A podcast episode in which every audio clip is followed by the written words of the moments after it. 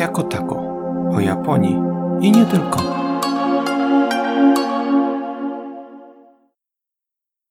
To zaczynamy. To witamy w naszej audycji o jako tako, Japonii i nie tylko. Dzisiaj mam dwóch gości, Łukasza i Pawła. I dzisiaj porozmawiamy o transporcie w Japonii, czyli e, opowiemy mniej więcej, czym można podróżować w Japonii. Opowiemy o pociągach, opowiemy troszeczkę o samolotach, autobusach, taksi. Opowiemy także o e, rowerach, o hulajnogach, podwożeniu samochodem, łapaniu jakichś samochodów dziwnych na, na autostradzie. W drugiej części, bo ponieważ podzielimy to na dwie części, w drugiej części opowiemy nasze wrażenia i różne opowieści, które mieliśmy, różne przygody w, w pociągach i w różnych środkach transportu. Więc e, od razu e, na dzień dobry zapraszamy na drugą część. E, I wracamy teraz do naszego głównego planu, czyli opowiemy generalnie o transporcie w Japonii. Może zaczniemy od tego, powiemy kim, kim jesteśmy, co robimy. Więc ja mam na imię Marek, jestem w Japonii od 12 lat. Mam żonę Japonkę, pracuję e, w dziale IT. No i cóż, przetrwałem tyle lat, więc chyba ten kraj mi odpowiada. Część osób, które mnie zna, Japończyków, mówi, że chyba byłem Japończykiem w poprzednim życiu. Może coś tego jest, bo coraz mniej rzeczy mnie denerwuje, a coraz więcej ciekawych rzeczy odkrywam. Teraz proszę, Paweł? Paweł, tak. Y, Ja usiłuję przekonać Japończyków do zainteresowania się e, rozwiązaniami IT produkowanymi w Polsce. Zarządzam oddziałem y, polskiej firmy informatycznej w Japonii. W Japonii jestem prawie na stałe od roku. Y, Bywam tutaj mniej więcej od trzech lat. No i w odróżnieniu od Marka jeszcze wciąż dużo rzeczy mnie zaskakuje i prawdopodobnie jeszcze długo będzie. Okej, teraz Łukasz, proszę. E, Cześć, Łukasz mówi. No ja też już jestem tutaj weteranem, ponad 10 lat w Japonii. 10, w tym roku akurat mi- e, mija 10 lat od kiedy wylądowałem w Japonii na stałe, ale wcześniej studiowałem także tutaj w, e, w Japonii jeszcze rok, także jest już to ponad 11 lat e, razem w Japonii.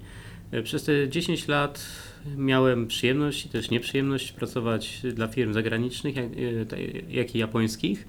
Obecnie pomagam Pawłowi w promocji polskich produktów, polskiej myśli technicznej y, w Japonii. Y, Tutaj staram się wykorzystać jak najlepiej całą, całą moją wiedzę, do- doświadczenie zebrane podczas tych lat spędzonych w Japonii, aby, y, aby doprowadzić do skutku tutaj na, na, na, tą naszą promocję i, i, i sprzedaż. Jeszcze tylko dodam od siebie, że Łukasz mówi perfekcyjnie po japońsku, więc przez telefon, jak rozmawia z Japończykami, umawia się na spotkanie, to wszyscy czekają na Japończyka. I jest wielkie zdziwienie, jak przychodzi tutaj biały koleś w okularach i w ogóle mówią, no dobra, no to jest ten gaijin, a gdzie jest Japończyk, tak? Z którym rozmawiałem przez telefon. Mm, Tak, czasami zdarza, zdarza się, kiedy dzwonię do, do restauracji, żeby no, zamówić tam jakąś y, miejscówkę. Y, problemy zaczynają się, kiedy dochodzi do pytania, proszę podać imię i nazwisko. To czasami używam jakichś zastępczych nazwisk i imion y, japońskich, żeby uniknąć pytań y, przeliterowywania y, mojego polskiego imienia na katakany, bo wtedy wszystko, cała, cała rozmowa się, że tak powiem, stacza. Tak, Nie chcę tu wchodzić w dygresję, ale to, to działa w dwie strony, o ile zauważyłem, bo całkiem często Japończycy i w ogóle Azjaci w kontaktach z białasami też używają jakichś takich z- zangielszczonych wersji swoich Aha. azjatyckich imion, więc y, czasami się dziwimy, że, że ktoś się przedstawia jako, nie wiem, Jay, czy Tak. jakiś Jeremy i tak dalej, podczas gdy jego imię jest zupełnie y, inne. szczególnie z Chińczykami takie wszyscy mówią Vicky, jakaś Jennifer, Anna, inna tak naprawdę zawsze się pyta, a jak masz tak naprawdę na imię? No ale właśnie to jest to, nie? że ciężko, bo czasami nawet nie wiadomo jak. Co ciekawe, w Japonii ludzie nie używają takich e, e, swoich nickname'ów. Nie, no Używają swoich prawdziwych- Się, się.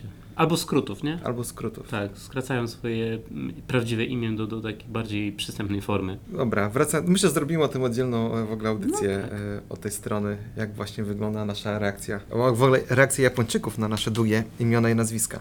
Wracając do transportu, więc e, zacznijmy od tego, że mamy mm, podział przede wszystkim pociągi. Pociągi to jest wielki biznes w Japonii, to jest jakby główna, główny sposób transportu. Tu właśnie wy- wypisałem sobie takie różne ciekawostki, że pierwszą linię otwarto w 1872 roku, ale przez brak, e, brak finansowania przez rząd e, upadła. Wtedy właśnie powstała pierwsza prywatna firma e, Nippon Railway. Co ciekawe, rząd szybko odkrył, że ta firma za dużo zarabia pieniędzy, więc w 1906 roku zmienili prawo i wszystkie linie kolejowe stały się państwowe. Dopiero prywatyzacja całego jakby segmentu e, kolejowego, bo tak naprawdę W Japonii koleje to nie jest tylko pociągi i szyny, to są stacje.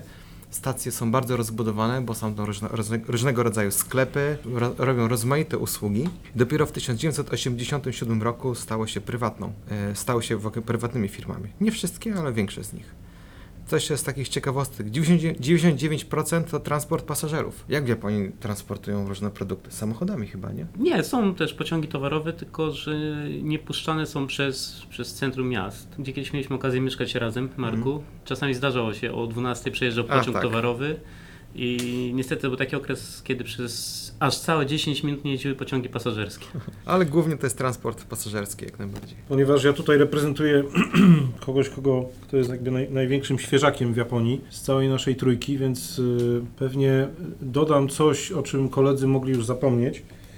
Mianowicie, no, koleje to jest y, niewątpliwie ten element y, Japonii, z którym nowo przybyli spotykają się prawie od razu, tuż po wyjściu z samolotu i rzeczywiście większość ludzi jest pod olbrzymim wrażeniem no, perfekcyjności organizacji całego systemu kolei, y, organizacji przepływu ludzi na stacjach, y, zakupu biletów. To wszystko jest naprawdę rzeczywiście świetnie zorganizowane i na pewno wpływa ogólnie na obraz Japonii jako właśnie takiego bardzo dobrze zorganizowanego i sprawnie funkcjonują- funkcjonującego y, systemu. No im dłużej w Japonii, tym, y, tym ten obraz zaczyna być mm, bardziej złożony, natomiast niewątpliwie y, no, pewnie się zgodzicie, jeśli powiem, że koleje naprawdę no, bardzo poprawiają ten image Japonii wśród nowo przybyłych. Właśnie mamy ponad 100 firm, e, 100 firm kolejowych, tych głównych przewoźników. Także wiele osób, które przyjeżdża do Japonii jest e, troszeczkę mm, zmylona, bo myślą, że to jest jakaś tam jedna linia, kupują bilet na jakąś jedną linią, e, żeby bardzo szybko odkryć, że jednak kupili na złą linię. Jest 15 głównych firm, to, to są e, te firmy, które mm, operują największą ilością e, e, stacji. Też jest bardzo dużo mniejszych firm, które są także regionalne, jakieś lokalne, miejscowe. Co ciekawe, też jeszcze wiele osób na przykład nie jest w stanie dobrze wyczuć odległości. Niektórzy sprawdzają na mapach, sprawdzają na przykład na, e, e, na Google Maps, ile czasu zajmuje dojazd. E, Myślę, że to jest niedaleko, pójdą na, na piechotę, a tak naprawdę e, część pociągów w mieście jeździ 120-160 km na godzinę, pomijając te Shinkanseny między miastami, które podróżują ponad 320 km na godzinę, E, więc to też jest takie mm, troszeczkę coś innego, porównując to oczywiście do Polski. Z ciekawostek także jeszcze można dodać, że e, na przykład Shinkanseny między e, Tokio a Osaką w godzinach szczytu odjeżdżają co 6 minut. To jest ewenement w skali świata. E, Yamanote Line, czyli jest to taka zielona linia, która e, jeździ w kółku po całym, całym centrum e, Tokio. Na przykład w 10 wagonach przewozi od 3 do 4 tysięcy osób naraz i około 100 tysięcy osób w ciągu godziny. To też jest taka ciekawostka i parę razy miałem okazję doświadczyć tego ścisku, że po prostu się wejdzie i zakorkuje się i stoisz dopóki nie wysiądziesz. No to to jest... Często wi- jeszcze, o, Mhm. przepraszam, Mhm. żeby jeszcze Państwu uzmysłowić, jak wiele ludzi e, podróżuje właśnie linią Yamanote, czyli tą główną linią w Tokio. E, To jest taka ciekawostka. Kiedyś e, zepsuł się wagon, pociąg zatrzymał się na stacji, to była zdaje się Shibuya lub Shinjuku. E, No i co? I właśnie te tysiące ludzi, e, które były wtedy w pociągu, nagle zaczęły wydzwaniać do, swoich szefów, żon, kochanek, dzieci, e, że niestety spóźnią się o parę, parę minut. Doprowadzi, ta, ta sytuacja doprowadziła do przegrzania się stacji bazowych i przez co padła sieć komórkowa w, w Tokio ogólnie, część, nie, nie cała, ale część sieci komórkowej była przez ten na- na- natłok, na, na nagłą ilość informacji po prostu padła. Także jest to naprawdę są nie- niesamowite liczby, nie- nie- niesamowita ilość e, ludzi e, przemierzająca e, Tokio codziennie od rana do wieczora. No Właśnie, tu można by w sumie pewnie się pokusić o takie spostrzeżenie, że ten system musi funkcjonować perfekcyjnie, bo w każdym innym przypadku doprowadziłby do jakby całkowitego załamania, no być może nawet gospodarki, a na pewno funkcjonowania y, tych organizmów miejskich, zwłaszcza tych dużych, Tokio, Osaka.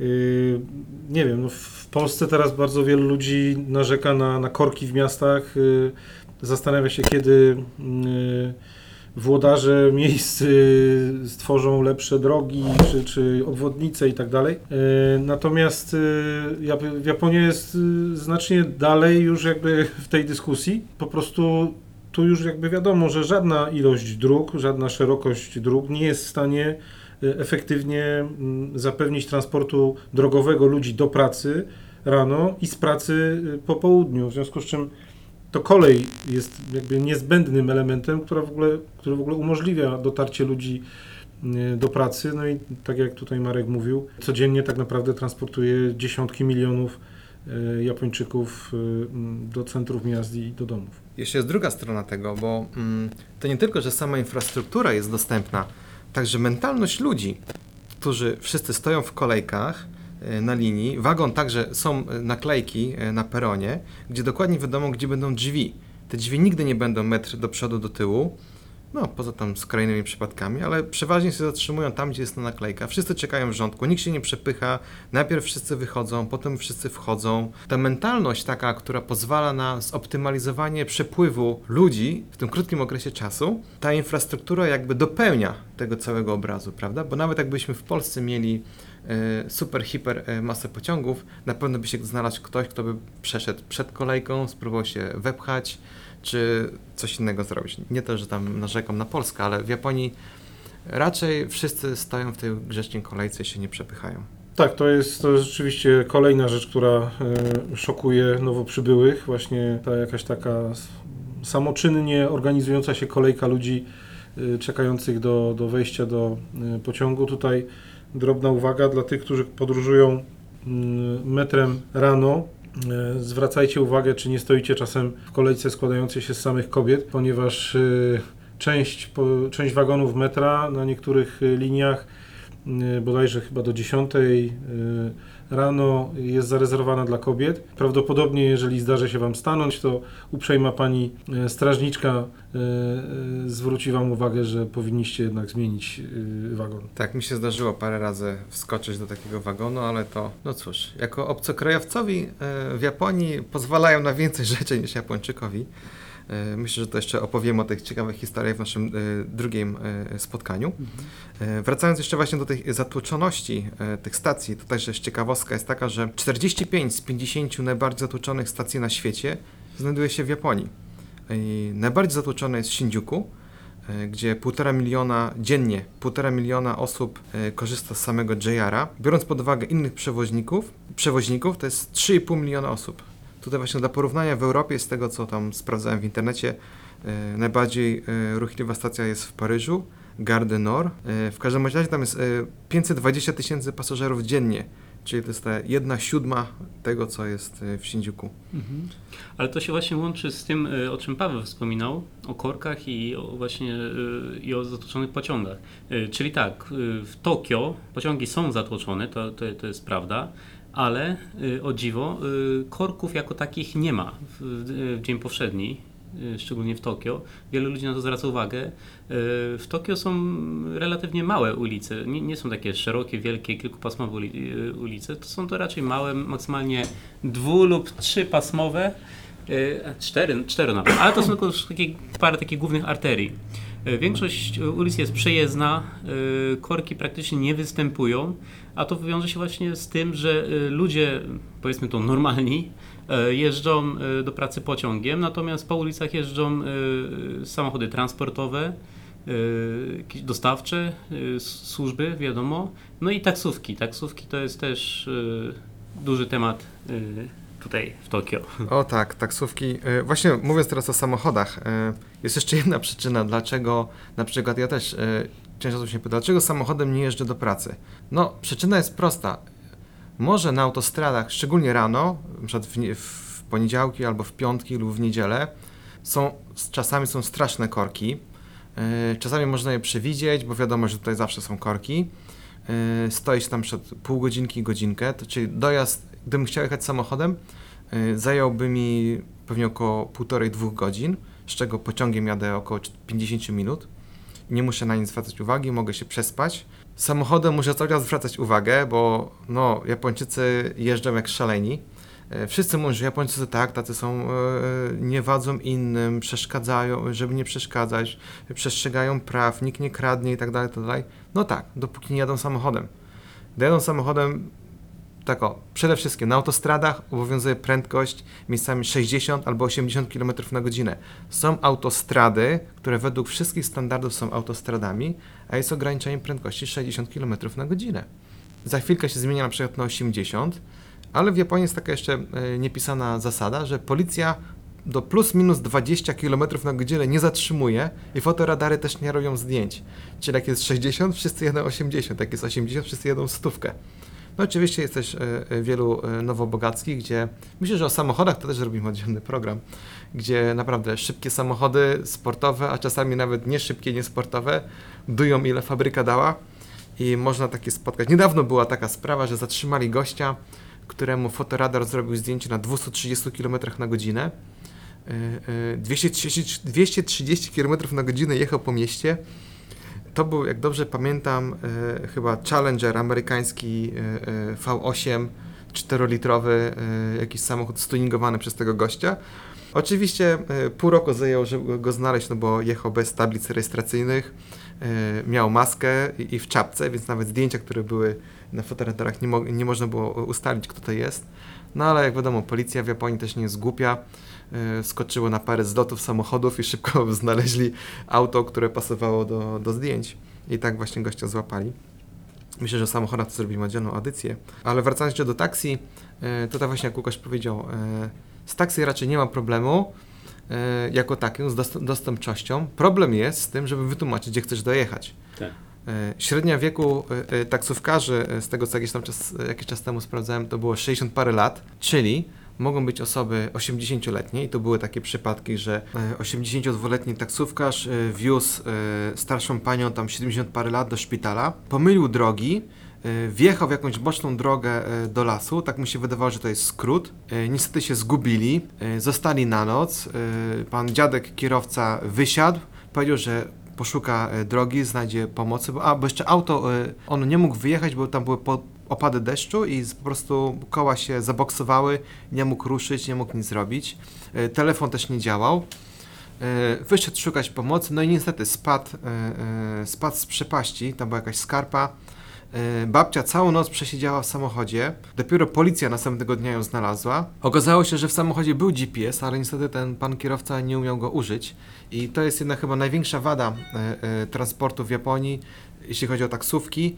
Jest bardzo ciężko wytłumaczyć, gdzie chcesz dojechać. Nawet jeżeli mówisz po japońsku, pokażesz adres, większość z tych dziadków, za przeproszeniem, nie jest w stanie w ogóle znaleźć tego miejsca. Ja miałem kilka takich historii i myślę, że Łukasz także, Paweł pewnie też, chociaż od niedawna jest, ma coś tam do powiedzenia, ale to zapraszam od razu do drugiej części. Tam się podzielimy tak różnymi pikantnymi e, e, wspomnieniami e, z tej części.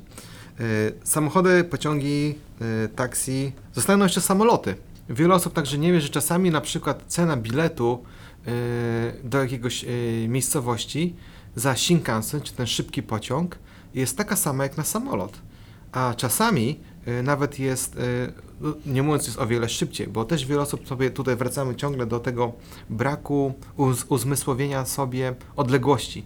Japonia jest bardzo długa, czyli porównać tak by do Europy, czyli Japonia się ciągnie mniej więcej od południa Włoch do północnej Norwegii, mniej więcej tak.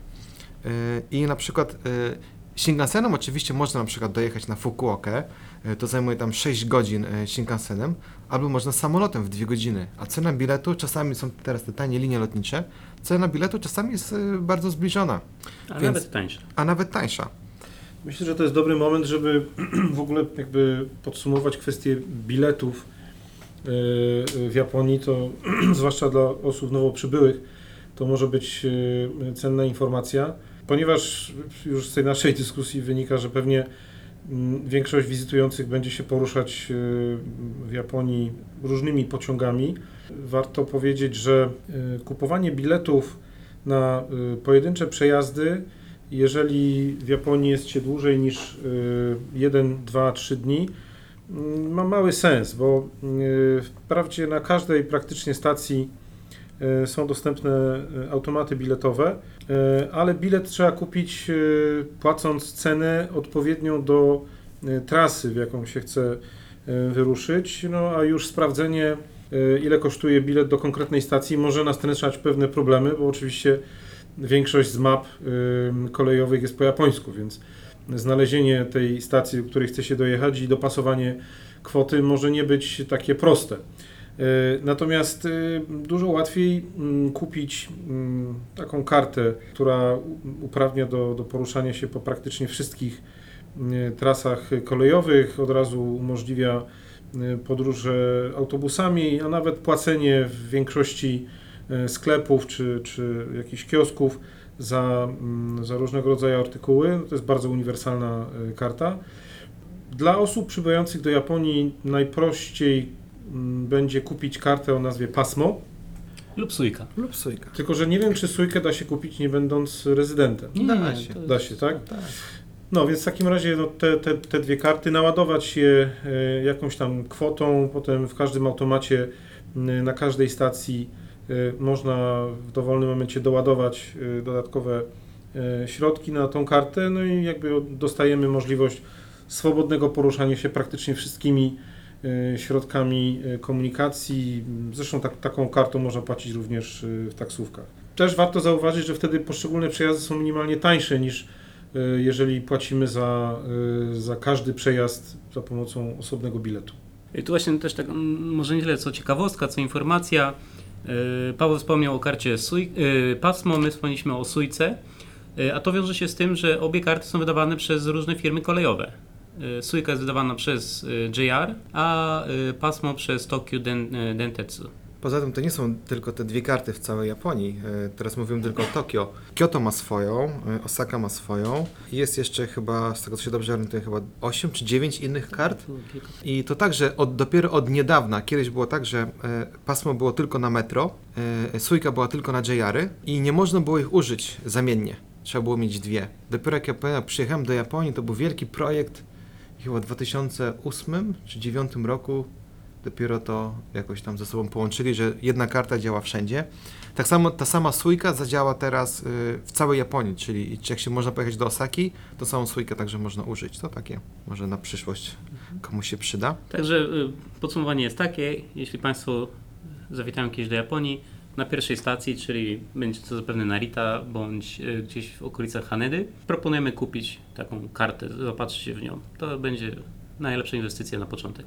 No, natomiast y, zanim jeszcze y, do, do tej Japonii się zawita, warto się zastanowić, jak wygląda plan pobytu w Japonii, czy, czy mamy zamiar poruszać się w, w ramach, nie wiem, jednej, jednej aglomeracji, czy, czy, czy chcemy podróżować wzdłuż i wszerz Japonii, bo w tym drugim przypadku zdecydowanie warto y, kupić y, coś, co nazywa się JR Pass. I to jest y, otwarty bilet kolejowy, na linie obsługiwane przez Japan Railway, czyli mm, większość połączeń długodystansowych, większość Shinkansenów, nie wszystkie, ale, ale większość Shinkansenów stoi wtedy przed nami otworem. I rzeczywiście nawet przy pobycie tygodniowym, podczas którego mm, mamy zamiar dużo jeździć po Japonii, to się zdecydowanie opłaca. Y, Te, te bilety, zwłaszcza bilety y, Shinkansenami wcale nie są tanie y, i wydatek tygodniowy w tym momencie JR Pass kosztuje około 1100 zł, jeżeli płacimy za niego w Polsce.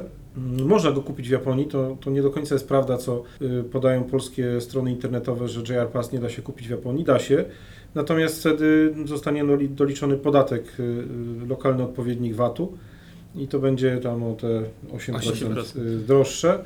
Ale nawet jeżeli zapomnimy kupić bilet w Polsce, ten JR Pass, kupno jego w Japonii też opłaca się zdecydowanie w stosunku do płacenia za poszczególne przejazdy kolejowe. Bo to są tak naprawdę dwa wypady na przykład do Kyoto albo do Osaki. To mniej więcej wychodzi chyba cena. To znaczy w tym momencie Shinkansen, najszybszy Shinkansen Nozomi do Osaki kosztuje e, około 460 zł w przeliczeniu w jedną stronę. Czyli e, to jest e, ponad 900 zł w dwie strony. W związku z czym no, dwa wypady do Osaki to już jakby Zwraca przekracza się. koszt tego, tego JR Passa. Tygodniowego. Te- Tym pasem, y, tym JR pasem oczywiście można się poruszać y, w ramach metropolii tokijskiej czy, czy każdej innej, którą, y, po której poruszają się pociągi JR.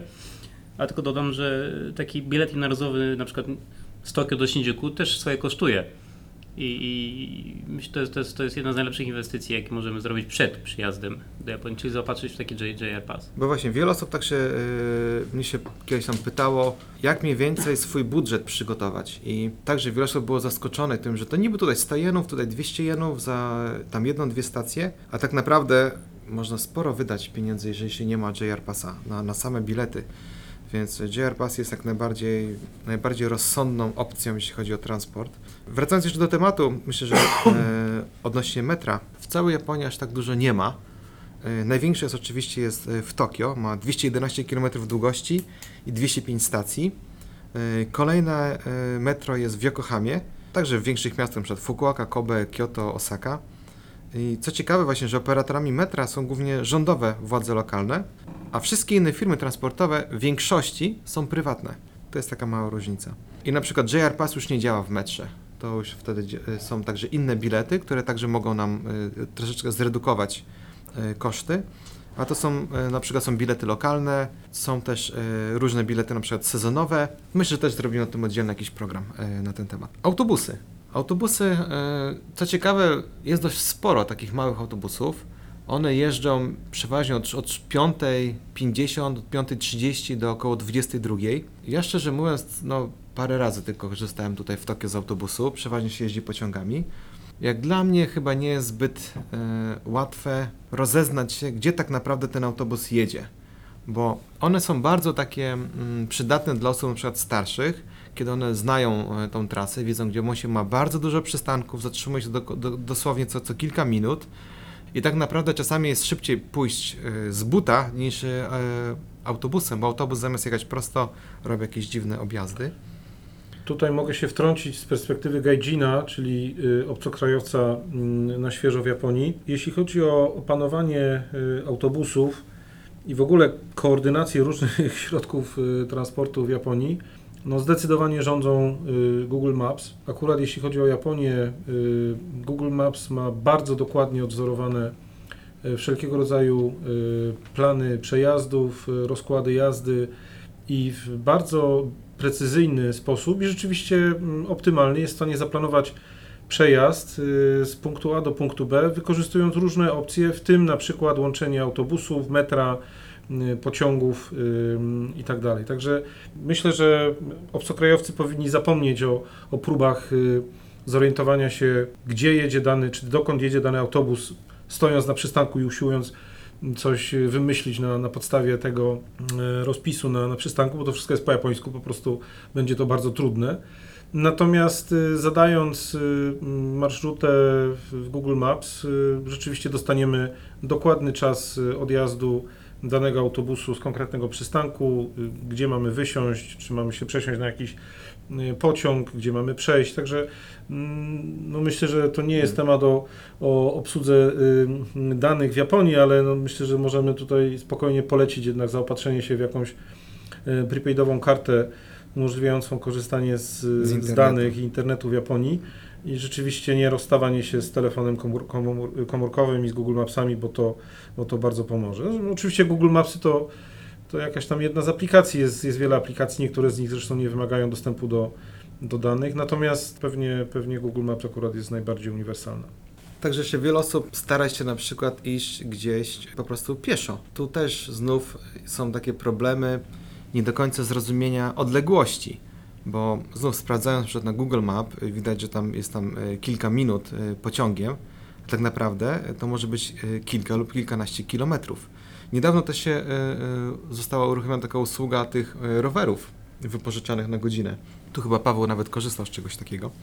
To chyba nie, nie jest zbyt skomplikowane, można ten rower dosłownie wszędzie. y, Znaczy wypożyczalni, Wziąć? wypożyczalni jest sporo, natomiast większość z nich wymaga jakiejś, jakiejś formy identyfikacji danego no, wypożyczającego, y, czy to poprzez jakiś tam numer telefonu, czy poprzez y, y, jakąś, nie wiem, kartę rezydenta. Ja rzeczywiście, nie mając takiej, takiej identyfikacji czysto japońskiej, korzystałem z wypożyczalni rowerów, które oferuje taki popularny w Japonii sklep Muji. To jest, y, ciężko mi to porównać do jakiegoś sklepu u nas. Z tego co wiem, jest y, oddział Muji w Warszawie, natomiast y, akurat ta sieć w Polsce chyba nie jest specjalnie popularna. No może w jakimś tam stopniu porównać Muji do Ikei.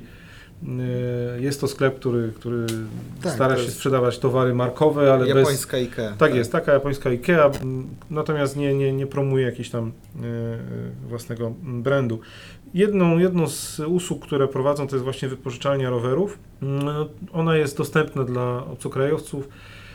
Trzeba po prostu przyjść do sklepu, wypisać formularz i, i, i za rzeczywiście bardzo rozsądną y, opłatę tysiąca, około 1000 jenów dostajemy rower praktycznie na, na cały dzień i mamy bardzo wygodny, bardzo, bardzo uniwersalny i tani y, środek poruszania się po, po mieście. W każdym tak naprawdę większym mieście, y, a zwłaszcza w tych y, po, popularnych y, turystycznie miastach, takich jak Kyoto, y, jak Osaka, jak y, Nara, jest y, cała masa lokalnych wypożyczalni rowerów, które powstały głównie z myślą o, o turystach. No one są zwykle droższe niż, niż, niż właśnie niż Muji, y, ale są bardzo łatwe do, do znalezienia. Myślę, że mm, rowerów po Japonii porusza się naprawdę mm, bardzo dużo. Rzeczywiście miliony mm, ludzi jeżdżą na, na rowerach, więc y, ta forma poruszania się dla, dla odwiedzających, dla turystów naprawdę jest bardzo wygodna.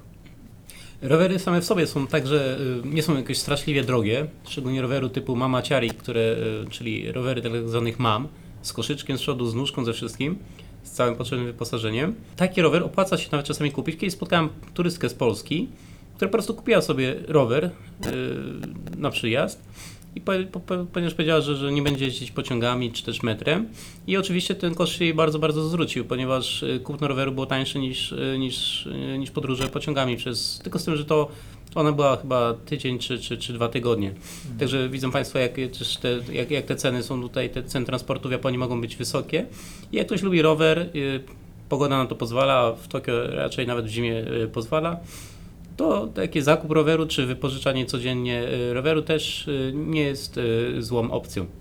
Aczkolwiek tutaj jeszcze komentarz z mojej strony, mm, bo też jakby trzeba mieć to na uwadze. No w Japonii, przyjeżdżając do Japonii musimy pamiętać o, o mentalności Japończyków, która, jak już Marek wcześniej wspomniał, na bardzo ważnym miejscu stawia społeczeństwo. To znaczy my w tym społeczeństwie cały czas musimy pamiętać, że no nie powinniśmy przeszkadzać, nie powinniśmy y, robić niczego, co może w jakikolwiek sposób utrudnić życie innym. Mm, I to też ma jakby pewne odniesienie do rowerów. No, nie bardzo można postawić rower w dowolnym miejscu, yy, zostawić go na przykład przed, przed jakimś budynkiem i, i, i po prostu iść sobie zwiedzać. Yy, Rowery powinny być, yy, powinny stać yy, w miejscu, które jest do tego przeznaczone. To znaczy, jeżeli przyjmuje się, przyjmuje się, że jeżeli wchodzimy do, na przykład do sklepu typu convenience store, y, to możemy postawić rower przed tym sklepem. Jeżeli wchodzimy do restauracji, korzystamy z restaur- z restauracji, to możemy postawić rower przed tą restauracją. Natomiast no nie bardzo można postawić rower przed czyimś domem i pójść y, y, zwiedzać miasto, bo wtedy no, możemy się liczyć z tym, że y, co najmniej y, ktoś to skomentuje, a być może po prostu rower zostanie y, zabrany. Także no, trzeba też o tym pamiętać. W samym ścisłym nawet Tokio jest zabronione parkowanie rowerów i takich osobników jak Straż Miejska też jest bardzo dużo, którzy chodzą, robią zdjęcia. Zaczyna się od tego, że taki rower dostaje naklejkę. E, Ta naklejka informuje, że e, parkuje się nielegalnie i jakoś tam większych kar e, w związku z tym nie ma. Później, gdy ten rower dalej tam stoi, czasami się czają, czekają na, na właściciela. Jeżeli to jest jakiś w miarę nowy rower, wiadomo, że to przyjechał na chwilę, jest przypięty. Y, Jest także cała masa rowerów, które są po prostu śmieciami, które ktoś zostawił, no bo y, żeby rower wyrzucić, trzeba zapłacić za to, więc łatwiej jest go po prostu gdzieś zostawić. Czasami jadąc pociągiem troszeczkę poza miasto widać takie wysypiska rowerów.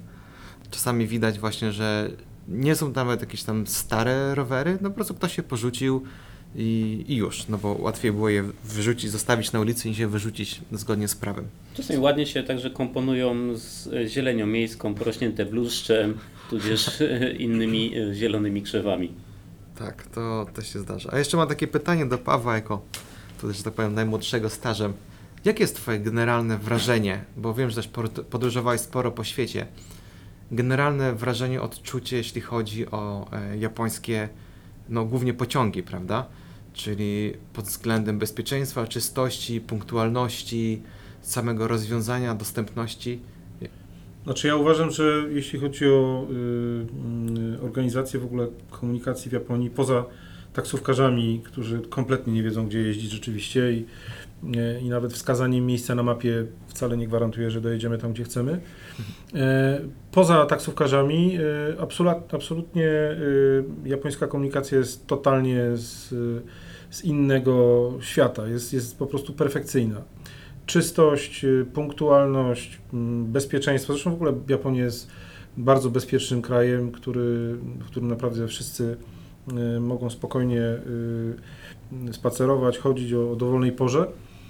Natomiast no, są to bardzo, bardzo bezpieczne środki transportu i wygodne. Oczywiście, tak jak o, wszystkim, zaraz możemy tutaj dodać Tak. małe ale i pewnie też jeszcze o tym I- powiemy. Natomiast generalnie y, no, wrażenie osoby, która mm, od niedawna jest w Japonii, y, jest zdecydowanie pozytywne i, i na pewno bardzo, bardzo można je polecić. Ja jeszcze mówiąc o środkach transportu, mm, opracowałem swój autorski konkurencyjny do rowerów sposób poruszania się po, y, po Tokio, który u niektórych kolegów wzbudza uśmieszek politowania ale uważam per saldo, że jest wart rozważenia, mianowicie poruszanie się przy pomocy hulajnogi. Otóż y, Tokio, jak i inne y, miasta y, w Japonii mają fantastycznie równe i bardzo dobrze przygotowane chodniki. w związku z czym jazda hulajnogą po mieście jest absolutnie czystą przyjemnością, no chyba, że akurat jest środek zimy i, i, i spadł śnieg, jak to się zdarzyło w tym roku no to wtedy rzeczywiście nie, nie polecam. Natomiast y, jest to chyba najtańszy, no akurat dla mnie przyjemny i y, wygodny sposób, o tyle wygodniejszy, że w odróżnieniu od roweru y, hulajnogę możemy złożyć, spakować do futerału i wsiąść do pociągu, czego niestety z rowerem nie jesteśmy w stanie zrobić. To powoli te, te hulajnogi mm, pojawiają się w Tokio. Mm, Nie widać ich dużo, ale wraz ze wzrostem popularności hulajnóg elektrycznych, no ja je coraz, coraz częściej widzę na, na ulicach. Chyba właśnie o tym małym ale y, i naszych różnych historiach to opowiemy w następnej części naszej audycji, na którą już dziś serdecznie zapraszamy.